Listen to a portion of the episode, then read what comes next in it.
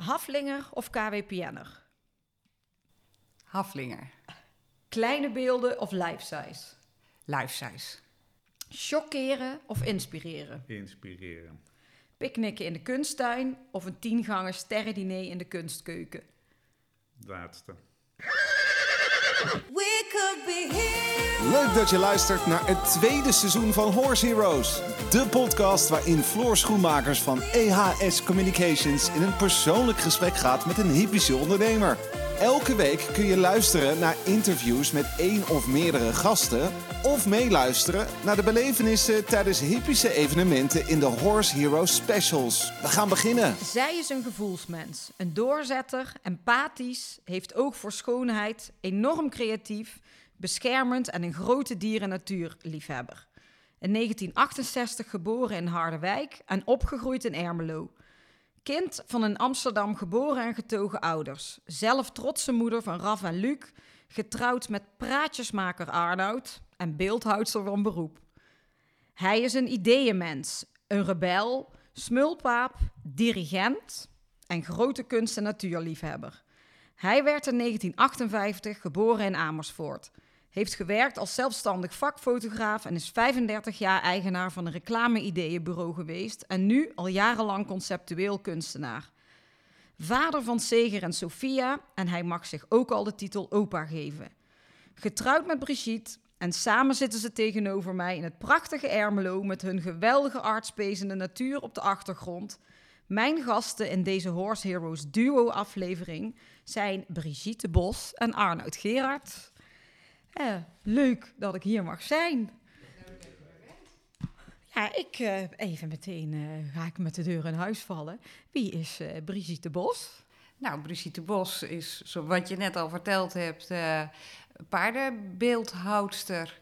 En eh, ja, ik woon eh, in Ermelo, in Speult. In de speelt. En wie is Arnoud? Nou, Arnoud is... eh, ja, je hebt het eigenlijk ook allemaal al gezegd. Ja. Ik ben vooral... ja, ik hou van de natuur en ik eh, vind het allerbelangrijkste... wij doen dingen die we heel erg leuk vinden. En als je dingen doet die je leuk vindt, dan wordt het wat. Dan hoort het wat. Nou, het is ook, eh, ja goed, je, luistert naar de podcast, dus je kan niet zien hoe eh, mooi het hier buiten is en hoe de omgeving is. Dus zeker een aanrader om een keer te gaan kijken. Maar wat Brigitte al zei, zij is paardenbeeldhoudster. En dat is natuurlijk ooit ergens begonnen. Dus als we teruggaan in de tijd, als wij even teruggaan naar jonge Brigitte, toen jij klein was. Hoe ben jij ooit hier terechtgekomen? Wat is jouw achtergrond? Nou, ik was echt een meisje-meisje. Echt wel, eh, eh, denk ik, eh, als je... je ziet van die meisjes fietsen die naar de... of kinderen fietsen die naar de school, middelbare school gaan... met een veel te grote tas. Nou, zo eentje was ik. Dus ik ben, ik ben echt een laadbloeier. En eh, ik was altijd met de paarden bezig. Ik had ook al heel jong een ponytje. En eh, dus paarden hebben me altijd eh, geïnteresseerd. En ja, echt een buitenmens, altijd buiten aan het spelen. Ja, zo. Echt een meisje. En jij ging hier naar school of waar heb je op school ik heb gezeten? in Ermelo op de basisschool gezeten. Ik heb Harderwijk de middelbare school gezeten. Daarna ben ik naar Zwolle. En ik heb in Doorn eh textielmanagementopleiding gedaan. En wat wilde jij eh, later worden toen je klein was? Nou, ook daar was ik eigenlijk niet zo mee Fotograaf je bezig. Ja, nou, dan was ik wel weer wat ouder. Toen ik echt een, een beetje een keuze moest gaan maken, toen had ik eigenlijk wel heel graag fotograaf willen worden, inderdaad.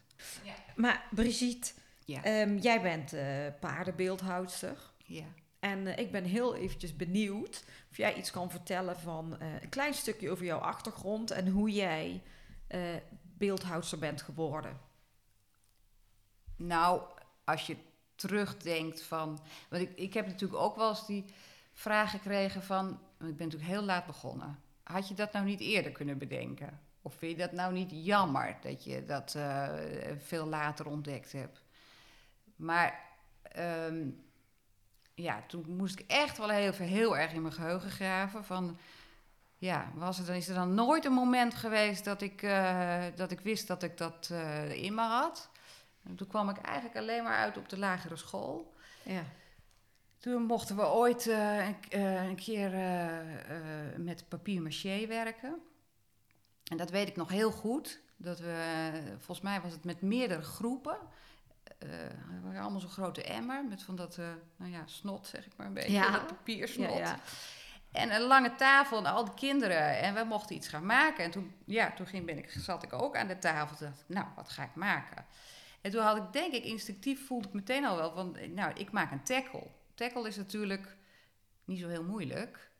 Maar dan heb je wel echt meteen iets. Want Ja. het is lang, dus dat is meteen al heel duidelijk van vorm. En, eh, dus ik, eh, en ik hou van dieren. Maar eh, daar, ben ik, daar ligt toch echt de liefde.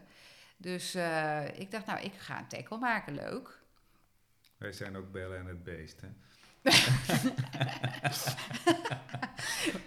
En, dus, maar dan zag ik al die andere kinderen en denk ik, waarom maken zij niks?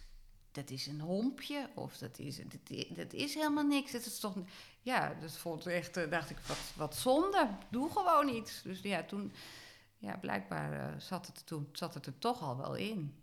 Maar Want ik had echt een tackle. Maar je hebt een eh, hele andere opleiding gedaan. Wat heb jij voor, voor een opleiding gedaan voordat je beeldhoudster werd? Ik heb in de textielrichting en dan een commerciële kant. Maar dat ligt me eigenlijk helemaal niet. Ik ben En- helemaal niet commercieel. En toen kwam het moment van ergens heb je ontdekt, ik eh, wil iets gaan doen met het beeldhouden. Hoe is dat gegaan? Nou, ik ben gewoon met mijn moeder eh, een keer eh, naar een eh beeldhouwmiddag Middagje. middag gegaan. En eh, ja, En, toen ook hetzelfde verhaal eigenlijk. Van, eh, om, nou ja, eigenlijk omdat ik dat gewoon gezellig vond. En, en dan krijg je een eh, kilo klei. Dat zijn van die eh, broden noemen ze dat. Een, een, eh, een, een brood, klei. Ramotte of zo. Ja, Ja. grove chamotte. Ja. Nou, wat ga je maken? Nou, daar ga je niet drie uur over na zitten denken als je twee, als je twee Ja. uurtjes kan zitten. Dus, eh, nou, dan maak ik maar een paard. En toen kwam ze thuis met het paard en toen zei ik, wauw, jij moet er wat mee gaan doen. Klei kopen, oven kopen. En toen hebben wij een oven gevonden op Marktplaats. Een prachtige oven voor heel weinig, die maar een paar keer gebruikt was. Ja, dan en ben ik het gewoon toen gaan ben je doen. beeldjes gaan maken en dat werd gelijk eh, een succes, zeg maar. Ja, maar ik kan er wel iets over. Maar al heel snel eigenlijk Ja, kreeg ik wel in de gaten dat eh, als je met klei werkt, dan moet je en je wilt echt bijzondere beelden maken, moet je eigenlijk wel echt keramist zijn. Want daar heb je echt wel een opleiding voor nodig. Dat is niet, eh, Dat kan je dat niet is niet, dat zomaar, kan je niet zomaar, want dat heb je te maken met drogen en met het moet uitgehold worden. En, en een paard, ik wilde paarden maken, Ja. heeft natuurlijk een zwaar lijf Ja. en dunne benen. Dus in verhouding is dat heel lastig met gewicht verdelen als je iets maakt. Want je moet het eerst gaan ondersteunen en dat soort dingen. Dus ik kwam eigenlijk, kon ik niet zo goed uit de voeten met die klei. Dat had ik al heel snel in de gaten. Ik denk, ja, ik wil en kan volgens mij veel meer. Maar dat gaat me niet lukken met die klei. En toen zijn we heel snel. bij jou- toen, ja, toen eh, zei je- Arnoud. Je kwam al heel snel, kwamen er mensen die zeiden van, we willen jouw beeldjes eh, in de gallery hebben. Nou ja, die, zijn toen, eh, die waren toen ook eigenlijk al direct verkocht. En twee dagen nadat ze weggebracht waren. En toen waren ze Ja. nog van keramiek. Nou ja, Marie zat al met, eh, nou ja, dat ze dat andere materiaal wilden. Toen zei ik, je moet in brons gaan werken. En je moet gelijk grote dingen gaan maken, want dan heb je ook wat staan. En dan, eh, ja, dan heb je gelijk, ben je gelijk ook wat, zeg maar, in de zin Ja. van dat... Ik ben natuurlijk ook marketingman, zeg maar, om het zo te zeggen. Dus eh, nou ja, toen hebben we, we, zijn we naar bronschieters gaan kijken en zo. Hè, en hebben we wat vragen aan mensen van hoe we, welk materiaal gebruiken jullie en dat soort dingen. Want dat vind ik dan ook altijd leuk. Dat doen we dan samen. Nou, en toen heeft Brigitte eh, spullen gekocht en eh, is aan de slag gegaan. Maar het begon met de kleine beeldjes, denk ik in het begin toch? Dat je Nou, hoofden Nee. ging maken? Of... Nee. Nee, ik De heb, ik heb grote- twee kleinere beelden. eh, hè, dat Nee. waren die duo-beelden. Nee, Eigenlijk het twee eerste- paarden. Je, dat, ja, die. maar die waren En nog toen- van keramiek. Maar je eerste brons is een groot hoofd. En die heb ik eigenlijk allemaal tegelijk gemaakt. Het Ja. grote hoofd en nog twee eh, soort spelende paarden, zeg maar. T- eh, dus twee duo's. Die heb ik tegelijkertijd Oh, eh, ja, gemaakt. Ja. ja. En als dat je kijkt naar jouw eh, full size, die levensgrote paarden, dat Ja. is denk ik wel iets heel unieks wat eh, weinig mensen kunnen en maken. ja. Hoe gaat dat in zijn werk? Ehm, hoe gaat dat in zijn werk? Nou, eh, Stel, ik heb een paard en ik Ja. zeg, ik wil daar een beeld van. Wat dan? Kan dat? En hoe werk je dan? Nou ja, Dat Brigitte kan, gaat nu uiteraard. voor mevrouw uit Zweden ook weer een levensgroot paard maken van een overleden paard. Dat kan dus. Ja, nou ja, voor zo'n groot paard eh, ehm, moet ik, ga ik natuurlijk inmeten. Dus dat je, je moet wel eventjes weten eh, hoe groot het uiteindelijk gaat worden. Want je moet een constructie gaan bouwen. Ja. Waar het op blij- allemaal op blijft dragen natuurlijk. Eh, want ik weet nu, ik heb bij dat eer, bij het grote paard wat ik gemaakt heb, er is al 350 kilo klei in gegaan. Dus dat zijn wel eh, gewichten en zo. eh, het is wel een heel gewicht wat erop komt. Dus daar moet je wel een constructie voor eh, hebben natuurlijk. Ja. Dat dat, eh, dat, dat eh, houdt. Maar ik, ja, ik, eh, ik meet het in en eh, eh, dan ga je over eh, houding eh, nadenken. Want die bepaal jij of bepaalt dat die, de, de klant, zeg maar? Of jij Nou, dat kan allebei natuurlijk. Ja. Maar ik denk Ehm. dat jij wel een eh, idee hebt van dit zou het Ja. beste passen. Ja, zeker. En eh, het is natuurlijk ook. ehm, ja, soms wil iemand iets. Ehm, ik had nu bijvoorbeeld een vraag. eh, ja, ik- oh, voor dat levensgrote paard. Maar ze wilden hem eigenlijk oorspronkelijk op 75% of 80%. Ja, dan zeg ik wel, ik zeg ja. Dan krijg je dus een pony. Dan kan ik nooit. Dat, dat gaat iedereen die dat gaat zien. Niet Denk dan herkennen. niet herkennen als een paard. Dan herken je een pony. Dus dat soort dingen, dat moet je natuurlijk wel sturen dan. Ja. dan eh, en, en verder, ja, als je het over vorm hebt, eh, daar heb ik natuurlijk wel een bepaald gevoel bij. Eh, Ja, Nou ja, ik denk of- dat jouw kracht van jouw beelden is vooral de natuurlijke houding. Of, of je maakt wel keuze in jouw beeld eh, dat het heel natuurlijk is zoals een paard is. Want dat hoor ik dan altijd. Ik verkoop Brigitte beelden. Ja. En ik ontmoet dus mensen en die zeggen dan, ja, wat bij Brigitte zo knap is, dat, dat er de natuurlijke emotie erin zit. En vooral dat het zeg maar eh, kloppende beelden zijn. En dat de houding van de paarden, zoals jij ze maakt, dat dat heel natuurlijk is. Dat, dat zo zie je ze Nou in ja, de wei, of ik net- zo zie je ze op ik stal. heb eh, eh, bijvoorbeeld bij eh Un Belle Histoire, dat, dat grote beeld dan, eh, dat was een heel specifieke opdracht. Ja. Een merrie met een eh, liggend veulen.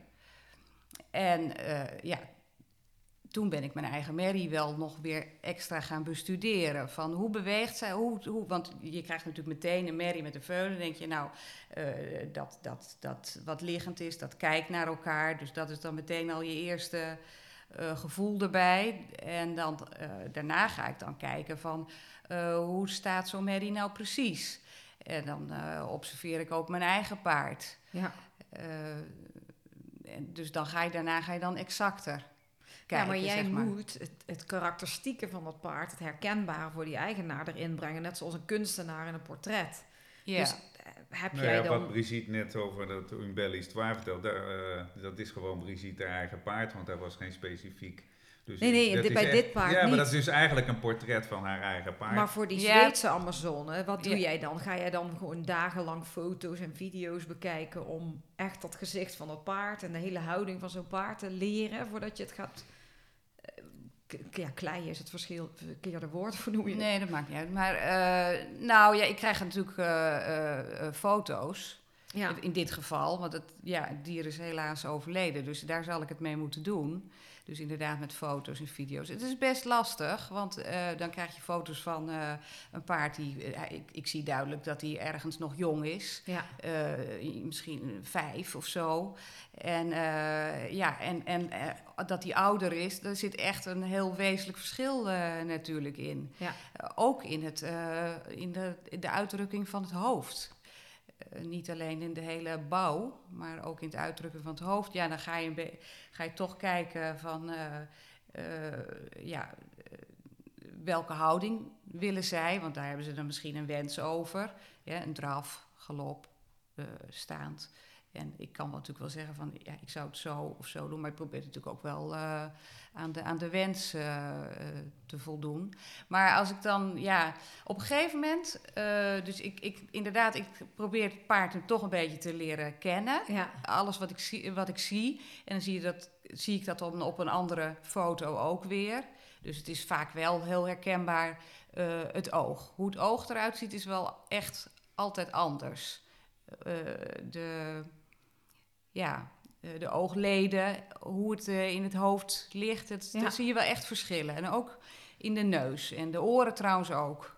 ja, maar dat maakt het Dus dan dat- wel weer zo persoonlijk. Ja, dat dus daar, dus daar heb je wel echt eh, dingen die er dan voor mezelf uit kan pakken. Van, oh ja, maar dat doet hij wel echt. Dat zie ik op al die, al die foto's.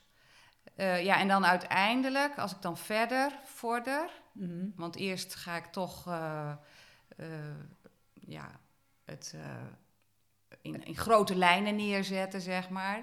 Maar als ik dan een beetje aan, het, aan de eindfase kom, de laatste, ja, dat kan nog best lang duren hoor, want dat, dat, daar komt het dan op aan. Want ik zeg wel eens tegen Arnoud, moet je kijken wat er gebeurt. Hè? Dan zet ik een, een, een heel klein streepje of een heel... Ja, het is, soms echt maar millimeterwerk, maar dan, gebeurt er, heel dan anders. gebeurt er iets. Ja. Ja, dus, dat, dus daar doe ik dan echt altijd wel even over. Het, het hele paard staat wel best wel re- relatief snel. Maar dan dat laatste, dat duurt dan toch wel lang. Of het kan En- zomaar zijn dat het ineens eh, het hoofd eraf is of eh, de achterkant eraf is en dan zet ze er weer een nieuwe tegenaan. Dat ja, gebeurt, dat gebeurt ook wel. ook wel. Ja. en dan staat hij denk ik, misschien al twee maanden. Ja, dan, en dan, eh, ja, omdat ik dan aan, aan het eind ga ik een beetje meer afstand nemen. En dan weer kijken, weer kijken. En als ik 's ochtends het atelier inloop en ik denk van, eh, ja, het is goed, dan is het goed. Maar eh, dus je moet er ook op een gegeven moment even afblijven. Hè? Maar werk je daar Maar- elke dag aan, aan zo'n groot paard? Ja, dan werk, ja, en ik heb die heb ik echt eh, heel lang aan gewerkt. Daar zat ik ook wel tot de 11 uur, half 12. Want we woonden toen nog op het andere adres. Ja. En daar had ik geen atelier, want ik ben natuurlijk maar zo begonnen. Dus we zaten ineens, za- eh, ik ben aan de, aan de tafel begonnen. En toen eh, hebben we de bank, eh, het bankstel eruit gedaan. En we hebben de eh, andere, dus eigenlijk het hele interieur ging eruit. En de hele woonkamer werd mijn atelier. Maar voor dat levensgrote paard eh, ja, was het alsnog te klein. Ja, tuurlijk. En toen eh, hebben we een eh pagodetent. Want ik dacht, oh ja, dat weet ik, die maat, 5 bij 5. Want dat weten we van de beurzen. Denk, nou, die, die ruimte voel ik wel zo om me heen. Daar Ja. kan ik goed mee uit de voeten. We gaan een pagodetent eh kopen. Dat hebben we ook gedaan. Die hebben we in de paddock gezet. Was ik ook lekker dicht bij mijn paard. Dus ook heel fijn. En ehm, Ja, die kwam ook bij je kijken, dat is echt leuk. Ja, die kwam echt zo... ja, die stond er gewoon eh, bij. Die kwam dus, gewoon eh, bij Brigitte zo met de neus erbij. Je had er eigenlijk een levend model. Ja, Maar je Maar hebt dan- dan... ja. wat- Nee, ja, maar je hebt hem dan helemaal eh, in van klei gemaakt. Toch? ja, En, ja. eerst eens- en dan, als die klaar is, wat ga je dan doen? Als die van klei klaar is, want dan moet hij nog eh, naar brons Oh, toe. trouwens, ik heb je volgens mij je vorige vraag nog niet helemaal beantwoord. Want je, eh, over eh, eh, die laatste fase, zeg maar, waar, wat, ik dan, wat ik dan doe. Dan blijf ik uiteindelijk echt bij één foto of één, één moment. Want Ja. dat is wel heel apart, dat heb ik echt wel ervaren. Als, alles wat ik, wat ik zie, daar gaan toch een soort van kleine beetjes erin, zeg Ja. maar. Dus dan uit, uiteindelijk maak ik mijn keuze bij echt één moment of één blik. Of, eh, en, en dat wordt hem dan. Maar ehm, Nou, als die Sorry. klaar is, komt de mouleur. ja, dan komt de, ja, dan De komt de bronsgitter. En wat doet die? Hoe gaat dat? Vertel eens. Hoe dat proces gaat, want dat weet natuurlijk niemand. Die Nee, zien, eh, nou ja, dan, eh, dan wordt er dus eh, een, een mal gemaakt. Dus het, het beeld blijft gewoon... eh, eh, kijk, een klein beeldje brengen we zelf naar de bronsgieter. Maar de, de grote beelden blijven hier staan. Die kan je natuurlijk ook niet vervoeren. En dan komt de bronsgieter en die smeert hem helemaal in met siliconen. Zodat ieder afdrukje, ieder, eh, iedere Detail. detail wat ik erin gemaakt heb, dat eh, komt er dan in. Doen ze eerst heel dun. Of Ja. vrij dun. En dan moet dat drogen, 24 uur, en dan komt de volgende laag. Soms moeten er wel drie, vier lagen doen ze dan. Tot je een beetje echt zo'n nou ja, een dikke laag van die En siliconen. En groot dat is een, paard komen gewoon vier mannen, die zijn dan een hele dag bezig om hem in de siliconen te zetten. Ja. En dan komen maar dan gaan ze het eerst opdelen. Dat is ook nog. Ze gaan eerst kijken, zelf kijken hoe ze de mal gaan maken. Dus eh, ze lopen er eerst al omheen, ze gaan er even bestuderen. Eh, want het wordt hem in twee delen. Want het ja. wordt eh, in twee delen. ge- eh, eh, het wordt hol gegoten. Ja. Dus het gaat in twee delen. Dus zij gaan ook kijken waar gaan we hem delen. Nou, een heel paard wordt in veel meer delen ja, gedaan maar, in, maar ook, maar hoe noem je dat? Een been wordt in verticaal wordt hij gedeeld ook. Ja. Dus hij wordt in horizontaal in delen, maar hij gaat ook verticaal heel in zijn geheel. Dus, het, eh, ja. dus dat gaan ze eerst. Dan zetten ze hele dunne offsetplaatjes, zodat je dat straks natuurlijk ook helemaal niet meer... Ja, het wordt allemaal heel knap, is dat hoe dat allemaal eh, weggewerkt wordt. Kom ik ook wel eh, aan te pas trouwens, wat er was model klaar is. Maar goed, die siliconenlaag en dan komt er een eh epoxylaag overheen. Dat gaat in een soort... eh, Wals. wals, ja, waar je die lakens doorheen trekt, zeg Oké, maar. Hè? Weet je wel, ja. zo'n Ja, ja. wals. Nou, en dan komt er zo'n enorme lap en dat gaat er tegenaan. Dat is, dat is grijs en als dat op een gegeven moment, dat wordt hard. Dat, Dat, moet wordt ook keihard hard. en Ja, het die wordt- nee. siliconen blijft zacht. En zeg maar die harde epoxy zorgt ervoor dat als je die andere mal zou gaan vullen... en dat hij dus nooit uit model kan raken. Daarom hebben ze dus een harde mal eromheen zitten. Daar ligt die siliconenmal schaal. in. En dan krijg je eigenlijk allemaal losse stukken. Ja. En daar gaan ze, dan, dan hebben ze dus zo'n af. Dus in- hij gaat in stukken, zeg maar, naar de bronschieter. Ja. Die nemen er gewoon die, die delen mal mee. Die mallen mee. Ja, die mallen mee. En dan, eh, als het, dan gaan ze dat ook weer met een dunne waslaag. sm- met een- dat doen ze eerst met een kwast. Eh smeren ze die twee kanten in. En dan gaat het tegen elkaar aan. En dan hebben ze, ze hebben echt zo'n enorme bak met hete was. En dan gaat dat in. Ze, sluiten hem, die, die eh, twee delen. En dan eh, doen ze die, gieten ze hete was erin. En dan ja, eh, schommelen ze dat zo Ja, heen weer, ja, ja. Ze zeg maken maar. als het ware een laag Een was laagje ter van- dikte van zoals het brons straks moet worden. Ja, zeg maar centimeter. Ja, wat is het? Dat Eh, ligt net- eraan dat ligt per aan hoe groot het beeld beeld. is natuurlijk. Hoeveel stevigheid ze nodig he- hebben.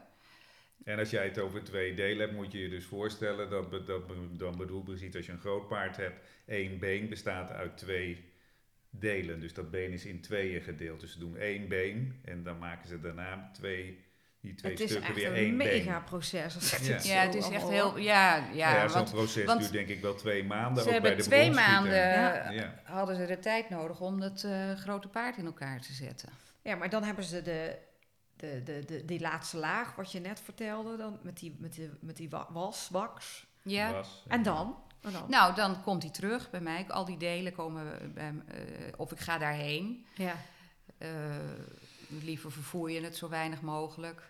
Dus dan, eh, dan, zit, dan zit ik daar eh, hele, nou, hele dagen heb ik daar ook wel gezeten. En dan, om, om die modellen bij te werken, ja, dan moet je ieder eh, luchtbelletje. Want ik heb hele grove structuren gebruik ik. Ja. Dus ja, daar kan een belletje of een hoekje of een dingetje. En, en die naad ga- werk je weg natuurlijk.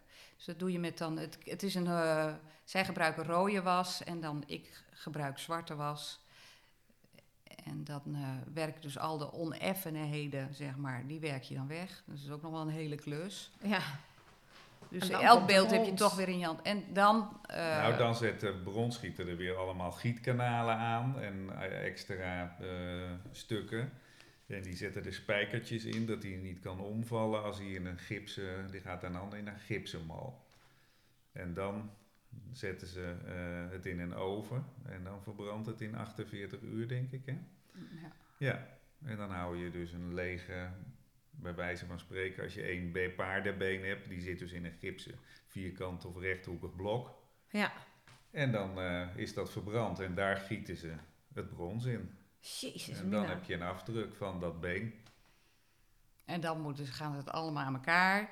En dat moet allemaal gecisileerd, dus opgeschuurd. En ook in dat gieten ja, kan wel eens een, een, een eh, luchtbelletje of een ding. Dus het moet allemaal eruit En dan aan gepoetst elkaar en, gelast. en aan elkaar. En ja, dus eh, Zij zetten dan hele dat klus. hele paard, al die stukken lassen ze dan allemaal weer in elkaar. Ja. En dan krijg je dus eh, zoiets prachtigs als wat je hier eh, onder andere buiten kan zien. ja. Ja, Maar- dan komt er nog een proces trouwens, want dan heb je zeg maar, het brons is zeg maar geel hè, of eh, koperkleurig. Oké. En dan moet, dat heet dan, dus dat andere proces heet ciseleren. En dan komt het patineren. Dat is zeg maar de kleur geven. Dus dan gaat Brigitte, nou Brigitte heeft twee eigen patines, hè, zeg maar. Twee mengsels die speciaal voor Brigitte gemaakt zijn. Dat Ja. hebben we met de bronschieter eh, eh, in overleg gedaan. En dan eh, gaat Brigitte controleert dat hele beeld. Of dat natuurlijk goed eh, in elkaar gelast is. Of ik doe dat, dat kan ook. Als het een bestaand beeld is, dan doe ik dat al vaak Ja. omdat Brigitte altijd druk is met nieuwe beelden, dan doe ik de oudere beelden nalopen en kijken. En als ik twijfel, dan bel ik er of ik maak er een fotootje van, klopt dat wel? Ja, en dan eh, gaan ze zo'n beeld, eh, als alles klopt, dan wordt die ook genummerd, want er komt een nummertje in natuurlijk. En er komen eh, eh, bijvoorbeeld schroeven in om hem vast te kunnen zetten als dat nodig is. Bij een groot beeld doe je dat altijd. En dan ga je hem eh, patineren, dan verwarren, verwarmen ze hem. En dan brengen ze er een kleur op aan. En dan hebben we voor Brigitte dus die specifieke kleuren. Een beetje groenige en een beetje blauwige kleur is dat. En dan wordt het verwarmd en dan gepoetst met water. En de ene keer doen ze het met een kwast en dan spuiten ze het erop. Dat is verschillend per kleur. Ja. En dan eh, koelt het af en dan zet je hem in de was. Dan heb je hele mooie bijenwas en dan is het beeld, dan is het beeld eigenlijk klaar. Hè? En jij zei net, jouw, ehm, een kenmerk van jouw beelden is natuurlijk dat, dat beetje grovere, ge, geboetseerde dan. Ja. Dat is echt jouw eh, signature, zeg maar, op de beelden, waar mensen het er heel goed van kunnen herkennen ook. Ook, denk ik. Nou ja, Maar het is vooral de het is- natuurlijke de- houding en, de, Ja. en, de, nou, en misschien de kleur eh, Ja. die je gebruikt. En ik bedoel, ja, het is natuurlijk Het is gewoon een eigenlijk... eh, maar een het is totaal, wel, maar het ja, is niet ik, een- ik denk wel dat ik vooral eh, toch de emotie ook. Dat is Ja. ook voor mij eh, wel waar ik de focus. eh, denk Nou, dat ik dat moet vooral zeggen- het is. Ja. Ik heb laatst, eh hebben jullie natuurlijk de onthulling gedaan van het beeld van Totilas. ja. En dat eh, weet ik nog, dat je zei, voordat dat beeld onthuld was, van ja, het is iets heel sp- speciaals, hoe die, welke houding je had gekozen. En ik heb heel het zitten denken, oh, wat zou dat dan zijn? Zou dat dan juist iets van die, die passage of die piaf of zo zijn? Ik vond het zo geweldig hoe je dat hebt gedaan. Want dat moment, hoe hij daar liep en dat moment wat hij daar deed, ik denk dat heel veel mensen dat ook hebben gezien. En heb jij dat zelf helemaal gekozen, juist dat moment? Wil je daar iets over vertellen, hoe dat beeld is, eh, welk moment het was waar ik nou over heb? Nou, ik heb eh, gekozen inderdaad voor eh, het moment dat Totilas na de kuur het publiek in kijkt. Eigenlijk zijn applaus in ontvangst. Ja. Dat vond ik altijd zo bijzonder. En dus daar heb ik voor gekozen. Ja, en ik heb, eh, ja, als je wilt weten hoe het, eh, hoe het helemaal eh, gegaan is. Nou ja, maar ik bedoel, ik vind het mooi juist dat iedereen kent Totilas natuurlijk van die heel extreme Ja. bewegingen. Ja. Wat een heel makkelijke keuze was geweest misschien. hebt de uitgestrekte draf, heeft Ja. altijd iedereen Ja. het over bijvoorbeeld. ja. Nou, ik had, zo- ik had sowieso, eh, had ik wel een beetje, ik, in eerste instantie vond ik het sowieso eigenlijk, hè, wou ik het eigenlijk, eh, wou ik Totilas helemaal niet eh, per se maken, eigenlijk niet. Eh, maar ik kreeg die vraag heel vaak of ik eh Totilas wilde maken. En ik vond het in eerste instantie ook, ja, als je zegt over zo'n houding, ik vond het ook een beetje, ja, dan eh, een soort van gemakkelijk om, om, om Totilas te gaan eh, maken. ja. Maar ja, ik kreeg heel vaak die vraag van, heb je Totilas al gemaakt? ja, maar En dat snap ik ook wel. Maar en, en toen, op een gegeven moment, toen realiseerde ik mij dus dat, dat er dus mensen zijn die daar misschien wel heel blij van worden. ja. Van een beeld van Totilas. En zo eh, is dat ook ontstaan. Ja, toen ging bij mij ook wel de knop om. Toen dacht ik, ja, maar als ik het zo zie, dan, dan eh, vind ik het eigenlijk wel heel leuk om hem te maken. En vooral ook omdat je vond, het is natuurlijk het beroemdste paard tussen aanhalingstekens. Om het maar even zo te zeggen, dat je ook vond dat mensen daarvan moeten kunnen blijven genieten. Ja, dat maar was het ook is een van zo je mooi. argumenten. Ik, dit beeld, omdat hij zo kijkt, dat is zo herkenbaar. Juist omdat die blik van hem inderdaad. Dat, Ja. eh, dat heb je echt heel goed gedaan. Vond het echt helemaal, eh, ja, echt te gek. Dus Ja. ik snap ook wel ik- dat heel ja. veel mensen daar blij van gaan Ja, worden. ik had trouwens nog wel, want ik had het eigenlijk voor mezelf al wel besloten, maar ik heb dit beeld echt eh, ja, voor anderen willen maken, zeg Ja. maar. Dat was echt de- wel de intentie. En toen heb ik ook Nicole eh, Werner heb ik, heb ik toen gevraagd van... als ik, ik, ja, ik, ik wil Totilas gaan maken, en, maar hoe zou jij hem het liefst eh, verbeeld zien? En ja, zij zei dat ook meteen, dus toen was, dat was wel heel grappig eigenlijk. Ja. En toen had ik natuurlijk helemaal geen twijfel meer, want ik... Ja, dus dat was eigenlijk het enige moment dat ik dacht van, nou, dat wil ik toch nog wel even weten. Ja, snap ik. Dat ik het, eh, ja, Even echt omdat ik, bevestiging op jouw nou, gevoel. ja, omdat, nou, omdat ik het echt voor een ander wilde doen. Dus, eh, en zodoende hebben we toen ook eh, besloten om eh, dat eh, eerste exemplaar, want we maken altijd acht, hè, eh, af, acht, eh, Oplagen van Oplagen acht van acht. Ja, dat we de eerste aan het KWPN eh, geschonken hebben. Ja. Om die reden ook. Arnoud, hoe eh, ziet een dag uit het leven van eh, Brigitte en Arnoud eruit? Nou, eh wij staan altijd vroeg op. Brigitte is de eerste. Ik ben natuurlijk wat ouder, dus ik mag iets langer blijven liggen, zal ik maar zeggen. En dan eh, gaat Brigitte even de hond laten plassen. En als eerste natuurlijk de paarden eten geven en dat soort dingen. En dan eh, lig ik nog heerlijk eh, een beetje op mijn telefoon of iets te kijken, of weet ik het, of ik slaap nog. En dan maakt Brigitte het allerlekkerste fruithapje, mag ik niet zeggen, want het is een enorme hap. Een fruithap voor ons. En dan eh, zitten we in ons kleine Veluwse boerderijtje aan de tafel. En dan zeggen we, wat hebben we het lekker hier, hè? En dan smullen we allebei van onze heerlijke enorme bak met fruit. En vaak een eitje van de kippen, de Ayam Mani kippen. Dat zijn zwarte kippen die zwarte eieren leggen. Eh, daar eten we een eitje van. Ja, En dan eh, ga ik met de hond wandelen, een drie kwartier of een uur op de hei. En dan gaat Brigitte de paarden verzorgen. En eh, dan gaat Brigitte het atelier in meestal. En ik, we hebben hier natuurlijk twee hectare, zeg maar, de art space. Met beelden en eh, natuur en dat soort dingen. Ik doe de hele tuin, dus dan ben ik meestal iets in de tuin aan het doen. En dan eh, gaan we weer heerlijk lunchen, want dat vinden we heel belangrijk. Wij zijn natuurlijk de hele dag met elkaar ook eigenlijk. Dat is natuurlijk ook vrij uniek. We bespreken ook altijd alle dingen met elkaar, of waar we mee bezig zijn, of wat vind jij daarvan. Mhm. Nou, dan lunchen we natuurlijk altijd lekker. En dan en we drinken natuurlijk koffie. En dan gaat de middag gaat het programma weer verder. En dan s'avonds, eh meestal, eh, ja, ik schijn best aardig te kunnen koken. Dus meestal moet ik koken. Dus dan eh, gaan we eten en dan gaan we eigenlijk alweer met de kip op stok. Want we zijn hartstikke druk. Want we zijn allebei, ja, de, tuin vraagt voor mij fysieke inspanning. En Brigitte natuurlijk met het paardrijden. Meestal gaat Brigitte overigens trouwens ook nog voordat ze gaan uit het atelier gaat een uur of anderhalf paardrijden. Dus je gaat meestal pas om een uur of elf, half elf het atelier in. Nee, het atelier in. Nou, dat wisselt heel erg. Maar dat Het wisselt. ligt eraan Maar ja, hoe, dat doe je natuurlijk ook hoeveel... altijd eh, eh, ja, dat, eh, ja.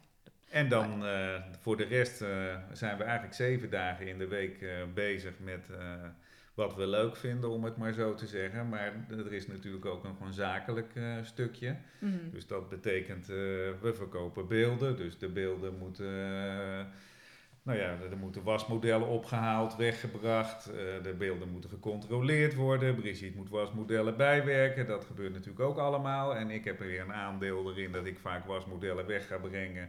Of de beelden nakijken als ik weet hoe ze moet zijn, wat ik net al vertelde. Mhm. Nou, dat eh, doen we een beetje ook naar gelang dat gaat.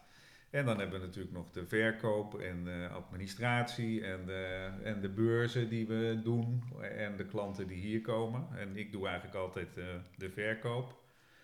Dus dat is echt wel iets wat, eh, waar ik mee, eh, mee bezig hou. En dan, nou ja, dat moet natuurlijk geleverd worden. Zoals jij bent nu hier, maar vanmiddag moeten we een totilas afleveren. Ja. Ja, dat betekent zorgen dat er een certificaat gemaakt wordt, want ze zijn allemaal met certificaat. Dat doet Brigitte dan weer. En dan gaan we, dat beeld wordt netjes opgepoetst, er wordt het certificaat erbij, mooi ingepakt in een wollen dekentje. En dan stappen we in de auto. Ook, dat doen we ook altijd met z'n tweeën. Wij Ja, zeggen altijd, eh, ja, we Ja. zeggen altijd, we komen graag bij de mensen thuis. Want het zijn natuurlijk eh, ook vaak mensen met prachtige huizen en prachtige landgoederen en eh, dat soort dingen. Dus dat is voor ons echt het uitje, want wij gaan nooit op vakantie, want we hebben het hier natuurlijk fantastisch. En dan, eh, zo vanmiddag hebben we dus ook weer een uitje. Dan gaan we een beeld wegbrengen. Nou ja, zo ben je de hele dag druk. En, en dan eh, bellen er weer mensen. En dan moet je weer prijzen maken. En Maar omschrijf eens eventjes dit plekje van jullie. Want ik, wil, ik weet het, want ik ben er geweest, ik heb het gezien, ik zit er weer. Je hebt jouw atelier hier, hè, Brigitte? Ja. Maar er is nog veel meer. Ja, nou, we hebben, zeg maar, om eh, mensen een beetje uit te leggen. eh, je hebt eh, de meeste van jullie, eh, als het tenminste Nederlandse luisteraars zijn van jouw podcast, Ja. die kennen allemaal de KNS en de KWPN eh, aan de heide in Ermelo. Ja. Nou, als je nou bij de, K, bij de, bij de KWPN heb je zo'n rotonde. Als je daar recht over steekt, je steekt de rotonde recht over. Aan de andere kant van de hei, daar staat een heel klein grijs zwart boerderijtje, zo'n Velus boerderijtje op twee hectare grond. En dat is eigenlijk een soort vierkant. En dat is eh, onze plek. En eh, we hebben het eh, huisje heet eh, het Huis ten Bos. Want Brigitte heet Bos met twee S'en op haar achternaam. En ons vorige huis heette ook zo. En toen zei Brigitte, en toen woonden we ook aan het bos. Die zei, ja, maar ik wil niet dat dat huis zo blijft heten. Ik zei, nou, dan nemen we het bordje toch mee. En dan Ja. noemen we het, oh, zetten we eronder, oh nee, heide. Want we zitten hier natuurlijk aan de hei. Dus het huisje heet Het Huis ten Bos. En we hebben de, eigenlijk de hele, ja, het, land, het landgoedje, is het niet natuurlijk, maar die twee hectare hebben we Tak Art Space genoemd. Ja. We hadden zeg maar in Putten al Tak Gallery, waar we de beeldjes of beelden verkochten. En nu hebben we er een artspace van gemaakt. En eigenlijk eh, doordat we bij klanten komen voor Brigitte beelden en die vaak hele mooie parkachtige tuinen hebben. Dan hoor, toen hoorde ik ook wel eens van, goh, eh, we willen ook wel een ander beeld. En toen dacht ik, hé, hey, dat is eigenlijk wel leuk als we ook nog van andere kunstenaars beelden neer gaan zetten. Want dat versterkt elkaar en dat eh, is leuk om te doen, want dat vind ik ook heel erg leuk om te doen. Ik ben natuurlijk zelf ook twaalf jaar geleden met kunst eh, begonnen. En ik heb mijn hele leven me met kunst bezig gehouden en verzameld. Ik weet eigenlijk best veel van kunst, Mhm. zeg maar. En eh, nou ja, we hebben hier dus een expositieruimte eh, gemaakt. Met, eh, dat is binnen, zeg maar. Daar hebben we aan de ene kant Brigitte al de paardenbeelden staan, de kleinere. De grote beelden staan allemaal buiten in de, in de tuin, zeg maar. Ja. En eh, aan de andere kant van de gallery, daar staan mijn kunstwerken. Ik maak conceptuele kunst. Dat is dus het onderwerp, is daar heel belangrijk. En mijn onderwerp is, wat had de een gedaan als de ander geen macht had uitgeoefend? Nou, je moet maar komen kijken om te zien wat het, eh, wat het, Het is Dat leuk, het is niet- leuk, het, is, het is heel leuk. Ja, nou ja, ik ben daarmee eh, ook de hele wereld over geweest. Van eh, alle grote kunstbeurzen in Miami, San Francisco, New York, Parijs, Londen, Venetië en weet ik wat. Ja. Maar toen we hier in dit boerderijtje aankwamen, we- wij willen ook niet op vakantie. Het is zo'n bijzondere plek. We noemen het een beetje het paradijs. Dus ik ben sindsdien ook andere kunstwerken gaan maken. Dat zijn mijn paradijsdiorama's, noem ik dat. Ja. En ik heb ook helemaal geen behoefte meer om de hele wereld over te vliegen. En dat vind ik ook wel heel belangrijk, want we moeten niet meer gaan vliegen, denk ik.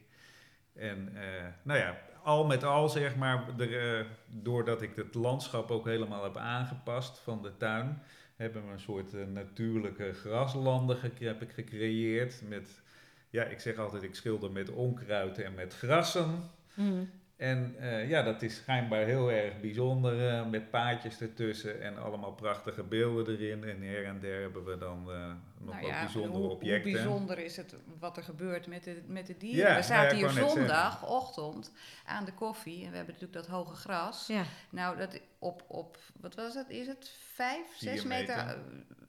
afstand? Kijk ik achterom, want we hebben, Arnold heeft natuurlijk al die paden eruit gemaaid, zeg Ja. maar, waar het dan korter is. En ik zeg, kijk nou, er liep gewoon een jonge das, Oh, echt? half tien 's ochtends. Oh, leuk. Die Ja, nou ja, dat stak is dus gewoon wel over. Die loopt, die loopt dus gewoon door dat hoge gras hier. eh. ja, dat is natuurlijk Ja. heel bijzonder. Maar vooral komt dat ook, denk ik, want dat was ook mijn idee. Ik heb, eh, ik zei al, we moeten wij doen wat we leuk vinden. En eh, ik ben, een andere filosofie van mij is dat je nooit je product moet verkopen, maar alles eromheen. Mhm. Dat heb ik vroeger voor mijn klanten waar ik ideeën voor moest bedenken ook.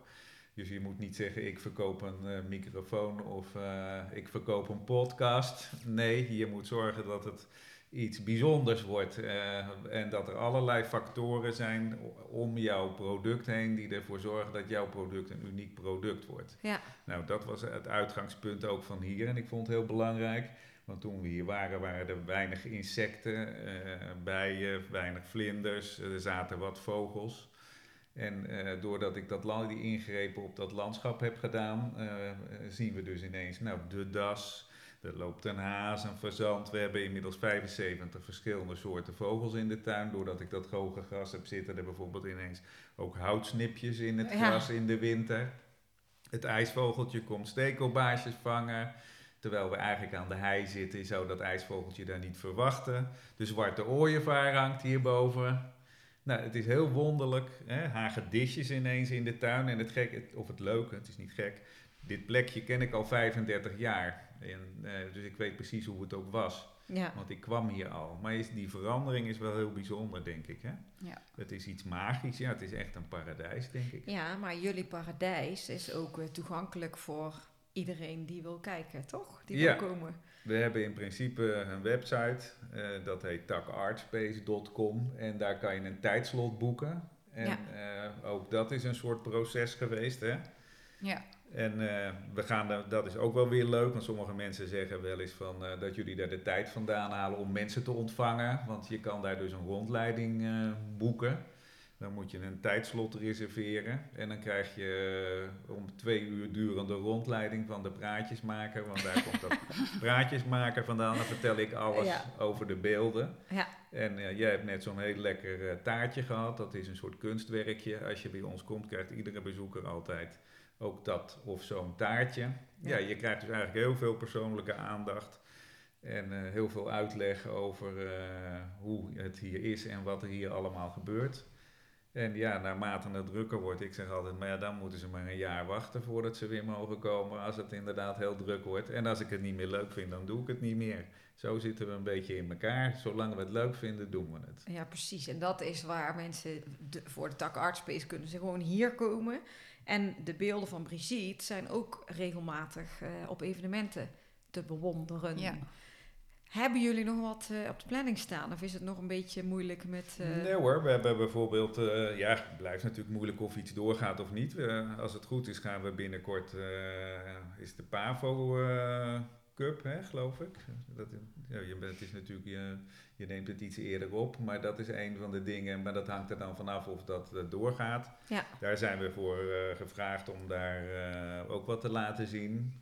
Dat is en normaal weer het eerste gesproken staan jullie evenement. op de hengstenkeuring toch ook? In Ja. Ja, we gaan eh, allerlei evenementen af. En we hebben eh, contacten inmiddels gelegd. eh, maar goed, dat ging dus allemaal weer niet bij Wereldkampioenschap Jonge Paarden in Duitsland. Maar dat gaat waarschijnlijk ook zonder publiek worden. En we hebben bijvoorbeeld eh, straks de wereldkampioenschappen in eh, Denemarken. Ja. Daar hebben we dan, eh, ja, we hebben beelden over de hele wereld staan. Dus we hebben ook contacten over de hele wereld. En dan eh, kijken we elke keer naar wanneer is er een evenement of is het interessant voor ons. Ja, zo zoeken we hem steeds uit. En hebben we het nodig? Ja, dat zijn natuurlijk altijd afwegen. Vinden we dat leuk? Want dat is ook weer belangrijk. Want je hebt ook wel evenementen, ja, dan sta je daar zes dagen. Dan, dat doe ik dan vooral. Ja, als, het, eh, als ik het niet leuk vind. eh, en het is heel veel werk, want je moet natuurlijk al die grote beelden moeten sjouwen. Alles moet eh, ingericht. Je zit voor dagen van 8 uur s morgens tot eh 11, 12 uur s avonds. Moet je nog naar huis rijden. En als het afgelopen is, moet je het s'nachts nog allemaal afbreken en meenemen. Dat doe ik dan altijd. Nou ja, als ik dat niet meer leuk vind, dan doe ik dat ook niet meer. Zo werkt het. Nee, je doet alleen maar wat je leuk vindt. Ja. We gaan eh, naar een nieuw onderdeel in eh, de podcast. En dat is eh, wat speelt er in het nieuws?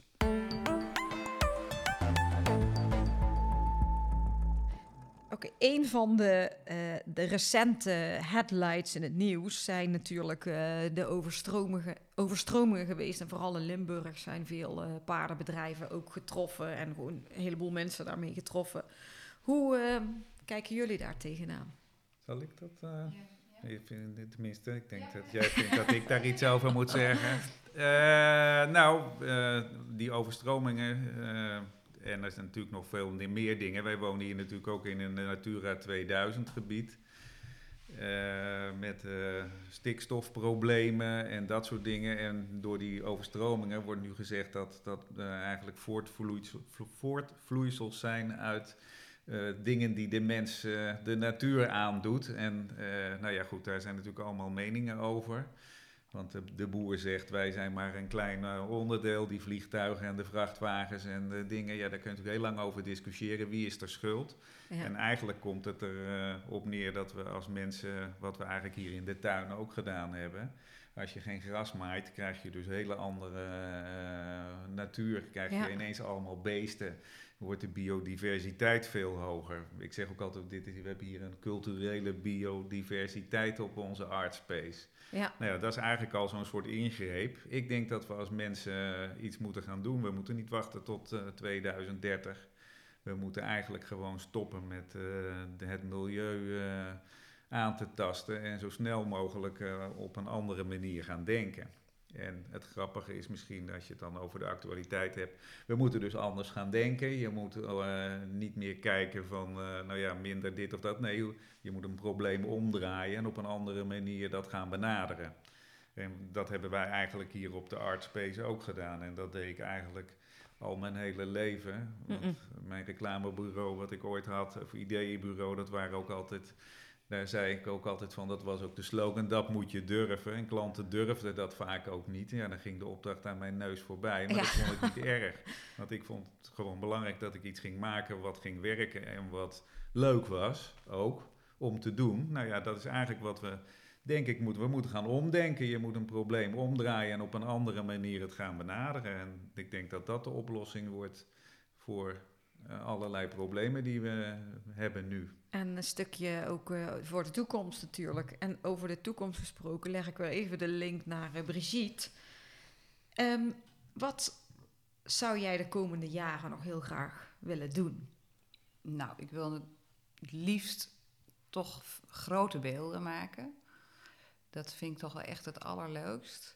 Eh, dus ik ben nu wel echt bezig ook om ehm, eh, ook op een andere manier naar, eh, naar mijn werk te kijken. In de zin van eh, iets nieuws. Wel paard. Ehm, blijf echt wel bij de paarden. Je zegt nooit nooit, maar ja, echt wel paarden. Ik zeg altijd, als de paardenbeelden uitverkocht zijn of niet meer lopen, dan kan je honden gaan maken voor de ja, maar Want dan ik- heb je daar weer een nieuwe doelgroep. Nee, maar, maar, dat is ik denk, ik, nee, dat is onzin. Want ik, ik, ik heb nog zo ontzettend veel ideeën. En eh, ik, ik denk dat het is, het is eigenlijk, ik ben nog maar zo kort bezig. En het is één, ja, toch wel ontdekkingstocht. eh, waar ik eh, ja, volop eh, in zit. Ik bedoel, ja, het, het gaat heel echt fantastisch goed. Ehm, maar doordat ik eh, al zoveel gedaan heb eigenlijk, eh, ja, is er ook niet alle ruimte geweest om, eh, om echt hele nieuwe dingen nog weer te Nou, bedenken. Vooral ook met opdrachten. Ja, omdat ik toch veel opdrachten eh, gehad heb. Maar daar, daar, ja, daar ben ik nu toch wel, daar ga ik wel echt wel meer tijd ook voor vrijmaken. Ehm dus, en daar heb ik nu ook eh, concrete ideeën over. Dus dat, eh, dat wil ik van de winter eh, realiseren. Eigenlijk ben ik er nu al mee begonnen. Ik ga het eerst in het klein doen, want dat doe ik ook doe ik met alle grote beelden. Het toch eerst even in het klein ontwerpen. En dan, dan in het groot. Dus dat, dat wil ik heel graag. Want het wordt wel heel gaaf, denk ik. Dus echt wel iets bijzonders. Moet je, moet je ook echt omdenken. Ik denk, ja, dat, ik bedoel, ben, er- ben zeker nu een niet. beetje geheim. Nee, Ja. ik doe er nu een beetje geheimzinnig over. Vertel er wat Nee, nee, nee, dat ga ik natuurlijk niet vertellen. maar het is paard en het is echt eh, eh, toch wel anders. Nou, ik dus, eh, benieuwd. Ik ja, ben dus, benieuwd. dat, dus dat komt. Dus dat wil ik heel graag. Dus eh, ja, echt een, me daarin in ontwikkelen, nog veel meer. Mhm.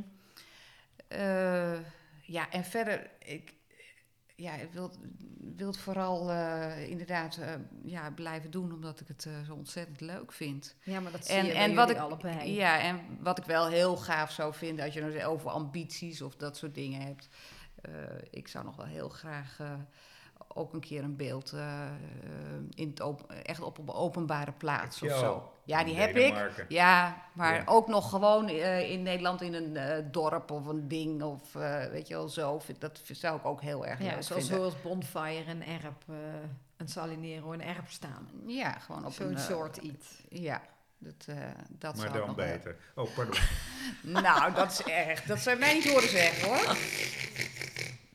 Nee, nee, ja, ja, Arnold, die, knip, die knip, knip. altijd Nee. alles. Nee, maar dat, eh, ja, dus... Maar dan natuurlijk, moet je dan zeggen. Natuurlijke houding. Ja, helemaal correct. Ja. helemaal correct. Nee, anders. Anders. Anders. Gewoon anders. Ik wil eigenlijk nog ben wel heel even benieuwd, want je bent nog maar zo kort eigenlijk aan de gang, maar er is al zoveel gebeurd. Wat was het meest memorabele moment in die eh, vijf jaar voor jou? Onze huwelijk. Ja. Nou, dat is wel grappig hoor. Want het heeft er wel. Nou, dat hele Dat heeft dus te maken met uh, een belle histoire, met dat, dat beeld. Ja. Dat is natuurlijk wel heel bijzonder dat ik dat heb mogen maken. Dat is natuurlijk eh, echt super gaaf, is dat. Ja. Eh, maar dat, daarom zeg jij, denk ik, van Nou ja, ons huwelijk. Dat en ik kennen elkaar natuurlijk al twintig jaar, of we zijn al twintig jaar bij elkaar. Maar toen Brigitte met dat beeld bezig was, toen, en we gingen hier wonen, dus dat was net op het moment van dat we van Putten naar Ermelo gingen, was ook dat beeld uh, eigenlijk Brigitte daar net mee klaar. En toen zouden we op de dag uh, dat uh, de bronschieter kwam om de mal te maken, die dag gingen wij s'morgens vroeg heel snel trouwen met Oh. de kinderen erbij. En dat wist de bondschieter natuurlijk niet, want die zei, ja, zij hadden ja, ook wel. Nou, het, het, uh, de opdrachtgever, dus Denemarken, die wilde heel graag het beeld in augustus hebben. En de bronschieter, die zei: Ik heb wel echt wel twee maanden nodig om dat uh, beeld in elkaar te zetten. En uh, ja, daar kan ik nog wel iets over zeggen. Want um, zo'n groot paard, om dat in evenwicht te krijgen, dat is nog wel een hele klus voor zo'n uh, bronschieter. Ja. En uiteindelijk waren ze veel eerder klaar. Want hij zei: Nou, dat heb ik eigenlijk nog nooit meegemaakt. In die 30 jaar. In die 30 jaar. Zij maken best uh, wel veel grote beelden. Dat uh, hij stond in één keer. Oh.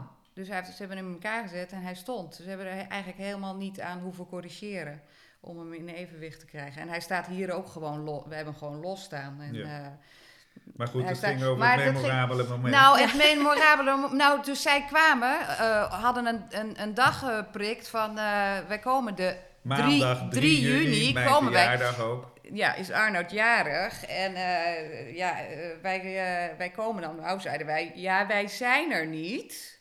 nou, dat was niet erg, want we we moesten stonden om buiten in eh, de 9 tent. uur bij de- het gemeentehuis zijn om te trouwen.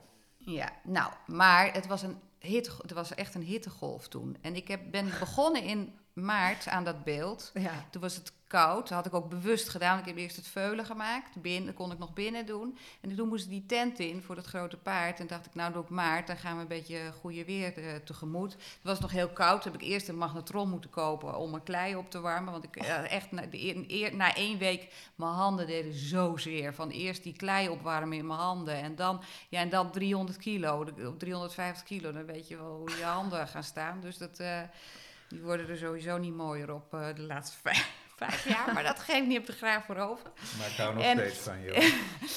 En, uh, maar goed, uh, dus dat was, eerst was het koud. Maar toen, toen ik hem af had, was het bloed en bloedheet. Dus ik hield ja, die die tent... wat- zaterdag voor, dus Ja, we hadden het over die maandag, die zaterdag ervoor was het al 37 graden. Ja. En toen ben ik zondagmorgen in Amersfoort, Ja, was raakte- de eerste winkel die open was. Ik ben ik raakte de hem... airco gaan eh, halen, omdat het, toen werd het 40 graden die dag of zoiets. Of Ja, nou, ze hadden echt, 39. het zou nog warmer worden. En ik zag gewoon dat, eh, nou, je ziet, eh, de oogleden en dingen, dat is dan wat fijner. En ik zeg, nou, ik ben gewoon, het Oh, wordt het het wordt, nou, het werd gewoon te, het kan niet, het kan niet echt smelten. Nou, het kan wel smelten als het echt heel heet wordt, smelt het. In principe kan het, is het, kan ik eh, aardig met temperatuurverschillen met dat materiaal Mhm. werken. Maar dat was wel vrij extreem natuurlijk begonnen te worden. Ja. En ik zeg ja, en daarbij 350 kilo, het hangt gewoon hè, aan, aan de constructie. Ik bedoel, die hele buik eronder, dat, die, eh, die is er gewoon tegen aangeplakt, hè, naar Ja. boven toe. Erin dus gedrukt in erin gedrukt, in, ga, in kippengaas. Dus ja, wat gaat er gebeuren? Als er, eh, daar heb ik geen idee van natuurlijk, als er dat soort krachten met temperatuurverschillen. Dus ik begon echt wel een beetje nerveus te worden.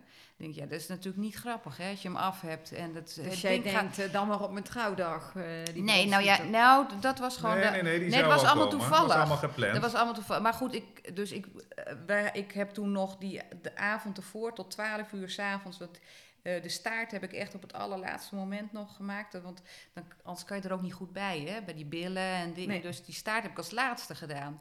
Dus ik had, en eerst dacht ik nog, anders doe ik de staart wel los. En dan, eraan. maar dat is natuurlijk ook geen goed idee. Hij moet gewoon in zo'n totaal moet je hem gezien hebben en klaar. Dus ik heb die staart nog tot 12 uur s'avonds uh, ben ik bezig geweest met die staart. Extra We hebben de borrel op tafel. We hebben de borrel. We nemen altijd een korenwijntje. We hebben de borrel op tafel gezet. Zeg, doe me nu alsjeblieft de borrel.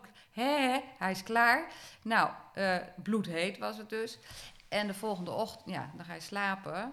En denk, oh, als dat ding morgenochtend nog maar oké is. Ik hoef, nog maar, ik hoef nog maar een paar uur, weet je wel zo. En toen ging ik eh, de Ja. hond uitlaten om wel vroeg, want toen moest natuurlijk was, er moest van alles gebeuren die dag. Die bronschieten zou om acht uur komen en eh, we moesten natuurlijk trouwen. Moesten. Dus, eh, nou, ja, Moest. het was lijkt een moedje. zwanger nee was. hoor, maar Nee, we, goed, we moesten natuurlijk naar het stadhuis. We hebben er verder geen bijzondere dag eh, waarvan gemaakt. Maar het werd dus heel bijzonder. Ik dus gelijk Brigitte bellen. Nou, hij staat er nog hoor. Oh. Het was kwart over zeven, denk ik. En ik loop het hek uit en ik ben vijf minuten onderweg. Belt Brigitte mij op. Helemaal in paniek. Was er dus een enorm stuk afgevallen. Oh nee. Ja. Ja, ja. Ik ging voeren. Nou, op mijn, weet ik veel, korte broek of zo, denk ik. Want het was eh, natuurlijk heet. Met Nou, regenlaarsjes ik had gewoon even van die regenlaarsjes was ik Korte ingeschoten. regenlaarsjes. En helemaal, ik zeg, terugkomen nu. Nou, Arnold zegt, ja, kan je het er niet zo in één keer aandrukken? Nee, dat kan niet. Ik zeg, jij gaat nu allemaal kleine stukjes maken. En ik, ik mond dicht, niks meer tegen me zeggen. En nou, toen ben ik anderhalf uur bezig geweest of zo. Echt eh nou ja, het aangeven. water liep onder je oksels uit, de schoenen stonden Mijn vol laarzen met stonden water. vol met water. Echt, het is zo heet. En toen was zei ik, het is nu tien voor negen en de bronschieten die waren iets later, die kwamen ook, hoorde ik ook al aankomen. Ik zei, je moet nu onder de douche omkleden, want we moeten over tien minuten Trouwen. eh, trouwen. Het is allemaal gelukt. En gewassen ook, in 10 minuten. Maar dan hebben we meteen een link naar een liedje. Ja, Want jij hebt een, eh, een nummer, door, of ja, een liedje. Het is een melodie. Wat zei je? Iets dramatisch? nee, nee, nee, jij hebt vroeger veel leuke liedjes hadden, maar Brigitte en ik hebben allebei, we hebben niet zoiets met, ja, muziek is wel leuk, maar we zijn Nou, niet, of we nee. vinden het wel leuk, maar we hebben niet echt een nummer wat nou echt specifiek... eh, maar wat, wat ik wel een, toen zaten we een beetje zo te bedenken, wat is dat dan? Nou, ik heb de vijfde symfonie van Mahler en dan de Adagio. Dat is een dramatisch stuk. En eh Mahler, eh, nou ja, Brigitte is mijn liefde van mijn leven. Als je dan naar een link zoekt wat met muziek heeft. Nou, Mahler eh, heeft dat stuk geschreven toen hij zijn tweede vrouw, dat is Brigitte van mij ook, eh, ontmoette. En ja, dat is een stuk waar verlangen heel erg mooi in zit. Het is ook ooit in de film Death in Venice dat stuk ook verwerkt. Ja, het is gewoon een prachtig stuk. Daar heb ik dus wat mee. Waar gaan we nou naar luisteren?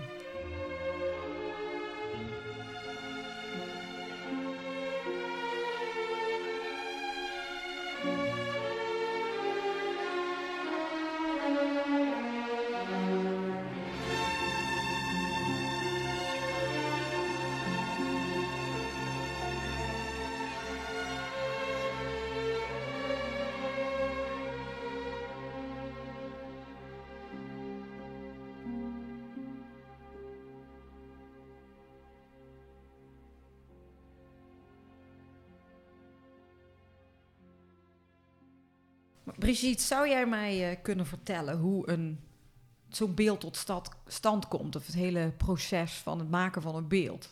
Als ik vrij werk heb, bijvoorbeeld. Als je want, er is- vrij want er werk natuurlijk een verschil tussen, krijg ik een opdracht... Als je vrij Of werk krijg hebt. ik vrijwerk? Want opdracht, dan, dan ga je toch al in, eh, in een bepaalde richting. Maar als ik vrijwerk eh, heb, dat duurt vaak heel lang. Of ik ben er al een lange periode over aan het nadenken. Je bent naar iets op zoek. Ik heb bijvoorbeeld dat, dat eh, duo-beeld wat ik gemaakt heb. Romulus en Remus, die staat hier ook. Ja. Eh, dat, eh, dan ben ik, daar was ik echt op zoek naar iets anders, iets vrijwerk. Want ik heb natuurlijk best veel opdrachten gekregen, dus er was niet altijd, veel, altijd ruimte. Maar de hele tijd zat ik maar te, te zoeken naar, eh, naar iets van vrijwerk. Nou ja, dan ben ik aan het, aan het vegen op stal, ik ben aan het uitmesten. Dat zijn eigenlijk de momenten dat ik dan over dat soort dingen nadenk. Of met de hondhandel of de hele de gewone dingen. En dan, dan soms weet je niet waar je naar op zoek bent. Maar je bent gewoon op zoek naar iets nieuws. Iets creatiefs. En eh, bij die, ja, toen- dan ga je toch denken van wat zie ik bij mijn eigen. Daar heb ik bijvoorbeeld echt gedacht van wat heb ik bij mij mijn eigen paard gezien. En eh, ik zocht een, bepo- een, een, iets, iets bijzonders. Dus ik wil, op een gegeven moment kwam ik op het idee van iets samen. Maar Dus twee beelden. Kun jij voor de luisteraars die niet weten wat de beelden zijn, wat ze uitbeelden, Ja, dat ga ik is? vertellen. Want ik, ik, ik had dus eigenlijk. eh, toen kwam ik tot een. Ik, ik wilde twee beelden maken. Ja. En toen had ik het idee: het is leuk. oh, Het is ook wel bijzonder als ik twee losse beelden die samen horen. Ja. Eh, dus dat idee ontstond. En eh, toen zocht ik naar een tegenstelling. En dan ga ik terugdenken aan mijn eigen paard. Het is best lastig van wat heeft een paard nou voor tegenstellingen. Toen ben ik in emotie gaan denken. Eh, Dus een eh, emotionele tegenstelling. En eh, daar heb ik, dat heb ik daar verbeeld. De ene is heel toegankelijk, want dat paard, zoals je een paard hebt wat over, ik denk dat iedereen dat ook wel herkent. Eh, als je bij, een- voor een stal staat en ze komen zo over de deur hangen. Ze willen een soort aandacht, een beetje of gekroeld worden... of staan een beetje op, om een snoepje te bedelen of zo. Echt zo met die neus naar voren, het hoofd een beetje schuin. Nou, dat is dat ene beeld. Ja. En die andere, eh, dat is afstandelijk. Dat paard kijkt helemaal omhoog. En dat is ook iets wat mijn Mary bijvoorbeeld wel deed als ik haar opzadelde. En ook iets, zoiets in, dan horen ze iets in de verte. En eh, dat kunnen ze dan niet zien. En dan, zij ging dan altijd zo in de bomen kijken, omhoog. En dan kon ik ook eigenlijk niet echt contact met haar krijgen. Want ze, ze zat dan te zoeken eh, naar waar dat geluid. Dus dan, ja, dat was dan het heel afstandelijke. Dus zo, ja, zo ontstaat dan iets. ehm, Ja, een soort yin en yang. ja, een soort yin en yang. En, en dat is dan waar je naar, naar, naar zoekt. Naar iets. eh, ja, en, en toen ben ik eh, mijn atelier ingegaan. Toen dacht ik, nou, zoiets moet worden. En toen heb ik gewoon een, st- gewoon een prop klei, zeg maar, gepakt. En dan gewoon op mijn schoot. En toen heb ik heel snel zo Iets die gemaakt. eerste vorm. Zo. En toen één daarnaast, dat was misschien maar 10 centimeter groot, heb ik. ne- Ja, en dan heb je Dat het eigenlijk. En dan ga ik het eh, uitwerken in het groter. Ja, super gaaf. Maar jij zegt, eh, jou- jouw paarden zijn eh, al vaker ter sprake gekomen dat die ook een beetje inspireren. Wat heb Ja. jij nog voor paarden zelf hier? Hier staan. ja. Ik heb dus die, ik heb een KWPN, Mary, een krek Maal Lancelot. Hele gevoelige, sensibele Mary. Ja. Die ook Ik vind er heel- altijd dat hoofd zo omhoog ja, kan wel als het er niet zit. ja, ik vind er wel, ja, ik vind er heel bijzonder. Ehm, en ik heb een haflinger.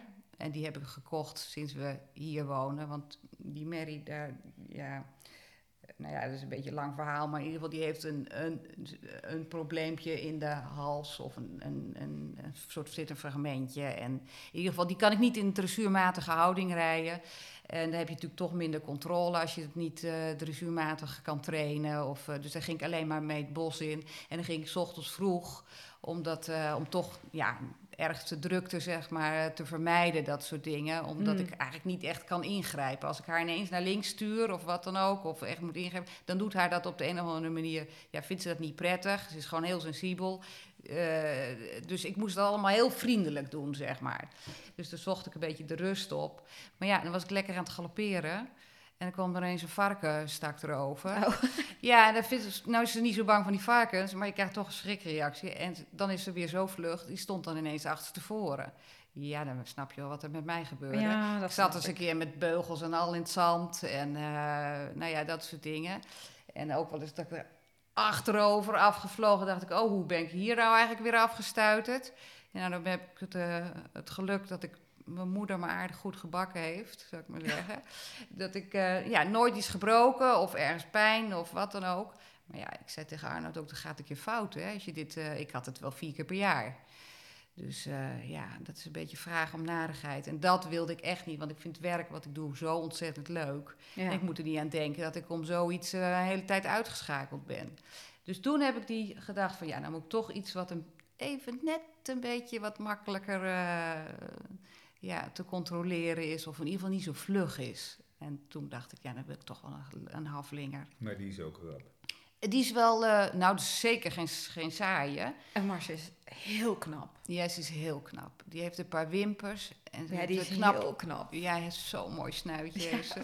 Ja, en ze En kan nog heel goed lopen. Want ze, voor mijn gevoel, toen, daar had ik al meteen al de eerste keer dat ik op doet ze niet onder voor die krekken hoor. Nee. Als je zo. Maar het is natuurlijk, ja, eh, wat, eh, het is wat lomper. Nou, vooral de omgang is het lomp. Maar en dan loopt er ook nog zo'n... eh, Ja, zo- Zo'n kleintje mini-shirtje. En dat is heel leuk. Die heb ik al 15. eh, Ja, ja, die is ook 15. Die is net zo oud als Bijou. Zijn allebei 15. En Bijou is wel later gekomen. Die kreeg ik vanaf haar vierde. Maar onze kleine Sazou, die nu omgedoopt is tot Sardineke, omdat ze in een kleiner stalletje staat. Nou, ze zijn er heel veel buiten, dus dat is niet zo erg. Dus we hebben er een beetje ingeblikt. Nee hoor, maar... eh, nee, maar het Sazou die heb ik al ehm, 15 jaar. 15 jaar. En eh, we hebben nu dus eh, de kleinkinderen, sinds twee jaar. Dus toen zei ik, ja, het is toch wel heel erg leuk als je zo woont. ja, Eh, die dat, die moet toch wel, ja, ze is echt heel mini, maar 75 centimeter. Maar het zou toch wel leuk zijn als die kinderen daar gewoon als wandel aan de hand hè, op kunnen zitten. Zometeen dat we met de hond gaan wandelen, ponytje mee. Eh, dus die ben ik nu aan het beleren met een meisje uit de buurt. En dat is echt enig. Dus Ja. een, de meisje kan al goed rijden, maar ze weegt niks. Zo enkeltjes zo als een eh spaghetti pakje, zeg Ja. maar. Dus ze weegt helemaal niks en die doet dat superleuk. Nou, dat hebben we met vier dagen met vier er dagen heb op, ik die ja. pony eh, nu zadelmak. Ik wandel met het meisje door het bos. En, eh, nou ja. Dus dat zijn de paarden die ik hier heb. Ja, dus die blijven altijd eh, inspiratiebron voor jullie. Ja, En jouw achtergrond eh, met paarden van vroeger uit. Ben jij opgegroeid met paarden? Hadden jouw ouders ook paarden? nee, mijn ouders hadden geen paarden. Ik weet wel, mijn opa, die had wel paarden. Maar dat is wel bijzonder, want mijn ouders zijn allebei in Amsterdam opgegroeid. Ja. En mijn opa was eh, directeur van eh bierbrouwerij, de Oranjeboom. En die had dus gewoon midden in de stad, Wilderdijkstraat was dat, Amsterdam. Die had, het daar, had daar kantoor en er was een binnenplaats. En daar had daar paarden, want die, dat bier werd nog met paard en wagen rondgebracht. Wauw. Ja, dus dat, eh, en hij heeft ook wel, ik heb toen ook eh, een boek van, van hem, heb ik eh, een boek gekregen van Rien Poortvliet, Het Briezend Paard. Maar jammer genoeg is mijn opa overleden toen ik twaalf was. Ja, toen was. Ik ben eigenlijk een beetje... Toen was ik eigenlijk nog te klein om hem echt goed te leren kennen, zeg maar. Hè, over, over dat soort dingen te vragen. Wat hij, wat hij met paarden had. En, Ja. eh, en dat, dat, vind ik, eigenlijk- dat vind ik eigenlijk wel jammer. Want ik denk dat daar wel eh, de liefde voor, eh, voor dieren Voor en dieren zo uit die hoek komt. Ja. Ja, ja. En je hebt als klein meisje al vanaf je zesde hier achter in de bossen alleen Ja, gereden. altijd hier, ja. Ja. ja ik- Heb jij eigenlijk ook eens met paarden, Arnoud? Nou ja, in die zin, mijn vader en moeder reden paard. En ik ging dan altijd, en ik was de Benjamin van de familie. Ja. Dus ik moest altijd als klein jongetje mee op vrijdagavond naar de manege. en dan, eh, ja, dan zag ik ze natuurlijk paardrijden. En dan liep dan zo'n eh, Indische kolonel de boel eh, les te geven. ja. Dus dat heeft altijd wel indruk op me gemaakt. En ze ging altijd buitenritten maken, ook met, de mevrouw heette Herterscheid. En die woonde ergens bij Doren in de bossen. Dus zo ben ik altijd met paarden-evenementjes meegegaan en dat soort dingen. Nou ja, en eh, verder eigenlijk helemaal niet. Ik ben wel echt een dierenmens. En eh, nou ja, door Brigitte ben ik natuurlijk met de paarden in aanraking gekomen. En ik had mijn kantoor in Amersfoort. En toen eh, heb ik smi- smiddags stiekem paardrijlessen genomen. in Leusden Ja. bij een manege. En dat ging eigenlijk best aardig en goed. Die, dat meisje zei van, nou, je hebt er talent voor. Ik vond het helemaal niet. En ik heb nou, natuurlijk ik deed het eh, best aardig hoor. ja, een laarsje en een broekje en een capje gekocht. En eh, nou, dus op een gegeven moment tegen Brigitte, ik zei, ik kan paardrijden. Kijk maar wat. Maar- Nou, we hebben nog een eh, leuk nieuw onderdeel in de podcast. En dat is de vragenpot.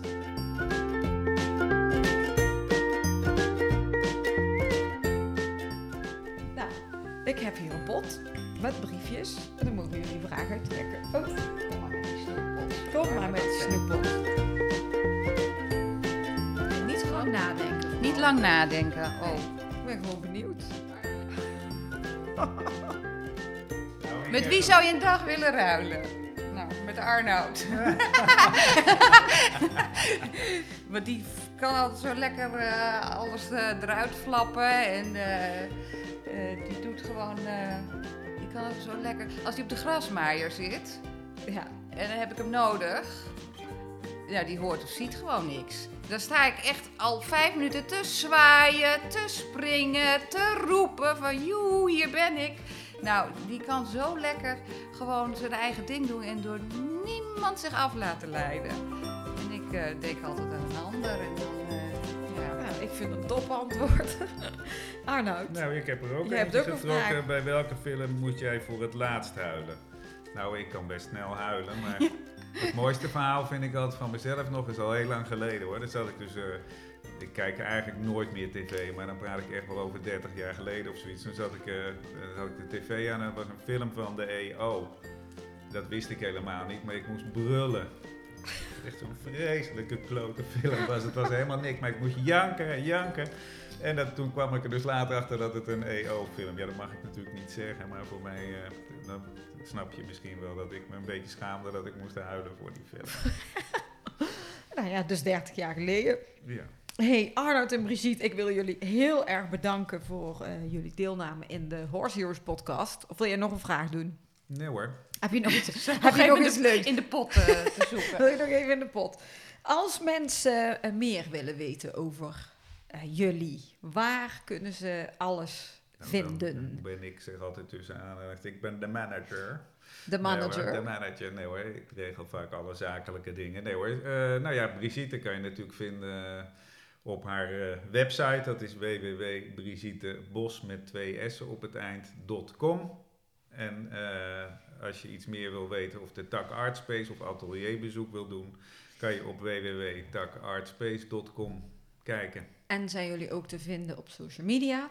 Ja, we hebben allebei eh, een Facebook. Brigitte heeft Brigitte Bos Sculptures en ik heb Arnoud Gerards en Tak Artspace. Dot, of tenminste, nou, Tak Artspace is Instagram, Facebook.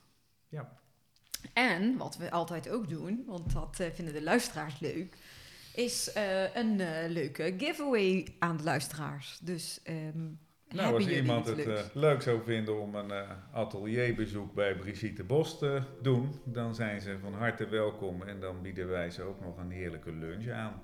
En ze kunnen zo'n eh, atelierbezoek boeken op www.takartspace.com. Dan kan je reserveren. Maar ik ga voor die winactie, voor die giveaway, natuurlijk iemand zoeken. Maar wat moet je daarvoor doen? Ga in ieder geval de pagina van Brigitte Bos en Tak Tak Artspace volgen op Facebook en Instagram.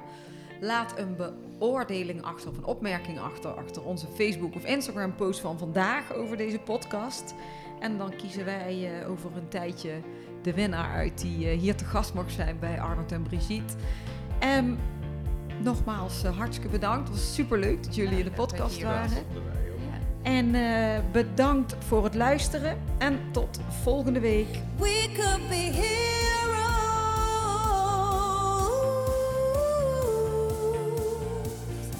Dit was hem weer, de Horse Heroes podcast. Wil je meer weten over Floor, haar bedrijf of deze podcast? Kijk dan even op de website van ehscommunications.nl. En wat je ook zeker even moet doen, is je abonneren op deze podcast om geen enkele aflevering te missen. Het zou helemaal top zijn als je dan meteen een beoordeling achterlaat. Tot volgende week! We could be